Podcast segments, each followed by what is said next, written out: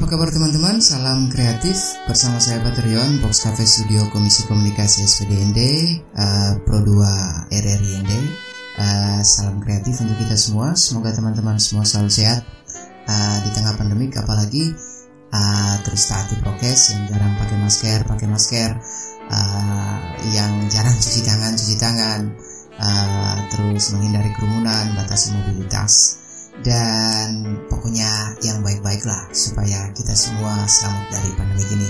Oke, okay, uh, membahas tentang batasi mobilitas dan menghindari kerumunan, saya ingin angkat satu topik tentang rumah. Uh, kebetulan dalam Injil kita, uh, khususnya teman-teman yang Kristen dan Katolik, itu ada omong tentang anak hilang dan di situ ada tiga tokoh ada bapak, ada anak sulung, sama bungsu. Yang menjadi sorotan itu anak bungsu. Anak bungsu itu ngapain? Dia itu tipe anak yang tidak mau tahu, tipe anak yang uh, yang penting bahwa apa yang saya mau itu harus jadi. Hari ini saya mau rumah, maka harus ada rumah. Hari ini saya mau makan enak, harus ada makan enak.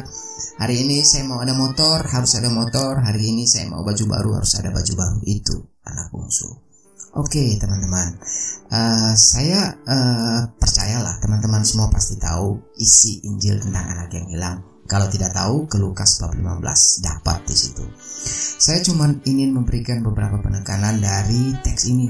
Kebetulan Injil hari ini bicara soal dia, anak bungsu. Pertama, kalau kita lihat uh, implementasi dari teks ini, cek implementasi terlalu tinggi mungkin ya. Uh, kalau kita lihat apa ya uh, refleksi lah dari Injil ini maka poin-poin ini mungkin perlu teman-teman uh, pegang khususnya di hari ini. Pertama, untuk teman-teman yang saat ini ada di kos teman dan sudah lebih dari seminggu di situ, dan untuk teman-teman yang saat ini ada di rumah teman, di rumah orang lain maksudnya, dan sudah beberapa hari di situ, makan di situ, tidur di situ, main game di situ. Saya cuma ingin mengajak pulanglah ke rumah.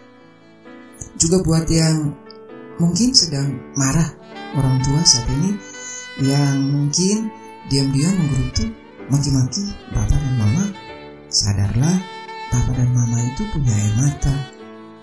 Hidupmu akan berantakan kalau air mata itu jatuh karena ulahmu berkat dari orang tua akan hilang kalau kamu keluar dari rumah dan meninggalkan luka di hati bapak dan mama. Kalau kamu pergi keluar dari pintu depan atau pintu samping atau pintu belakang atau bahkan ikut jendela sambil meninggalkan luka di hati bapak dan mama karena kamu protes terhadap sesuatu mungkin.